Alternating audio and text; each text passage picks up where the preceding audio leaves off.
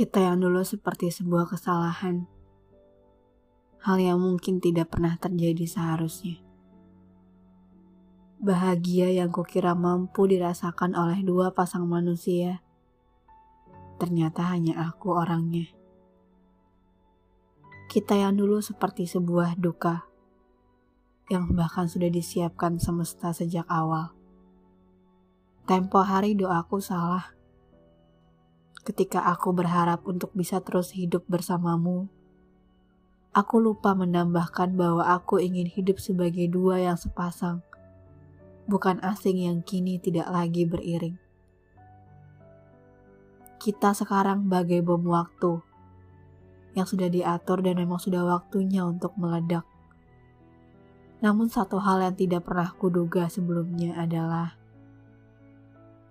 bahwa ledakannya mampu menghancurkan keseluruhan dari duniaku tanpa tersisa.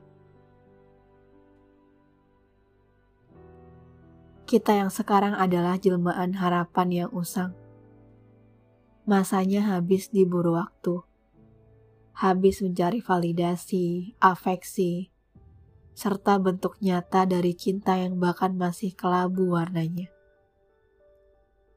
Bahkan kata kita yang semestinya menjadi kata sakral yang menyeratkan perasaan saling kini terdengar canggung. Karena memangnya pernah ada kata itu di antara aku dan kamu. Aku berkali-kali bertanya, apa yang sebenarnya dirasakan oleh para penyair ternama itu ketika mereka menciptakan wujud bahagia dari cinta yang sesungguhnya. Perasaan apa yang sebenarnya dirasakan? Apa sesederhana rasa bahagiaku ketika berbagi mie pasta denganmu? Atau bagaimana senyumku merekah sempurna ketika kamu mengikat tali sepatuku yang terlepas di jalan trotoar seberang minimarket waktu itu? Aku ingin ikhlas. Aku ingin lepas Aku ingin senang ketika aku tahu kalau kamu sudah menemukan bahagiamu yang lain. Tapi mengapa serumit ini? Klise rasanya kalau alasannya karena rasaku padamu abadi. Tapi memang, perasaan itu datang tanpa permisi. Seolah membiarkan aku menjadi tuan rumah yang bisa dengan mudah dibodohi. Katanya, kalau rasanya mau bertahan lama, maka pihak laki-laki yang punya cinta harus lebih besar. Lalu bagaimana kalau aku? Bagaimana kalau ternyata perasaanku yang jelas lebih besar? Jawabannya sudah jelas. Semua berakhir dengan cepat.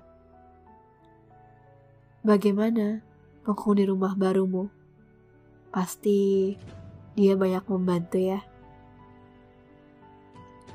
Terlihat bagaimana senyummu lebih sering merekah ketika sama dia dibanding sama aku.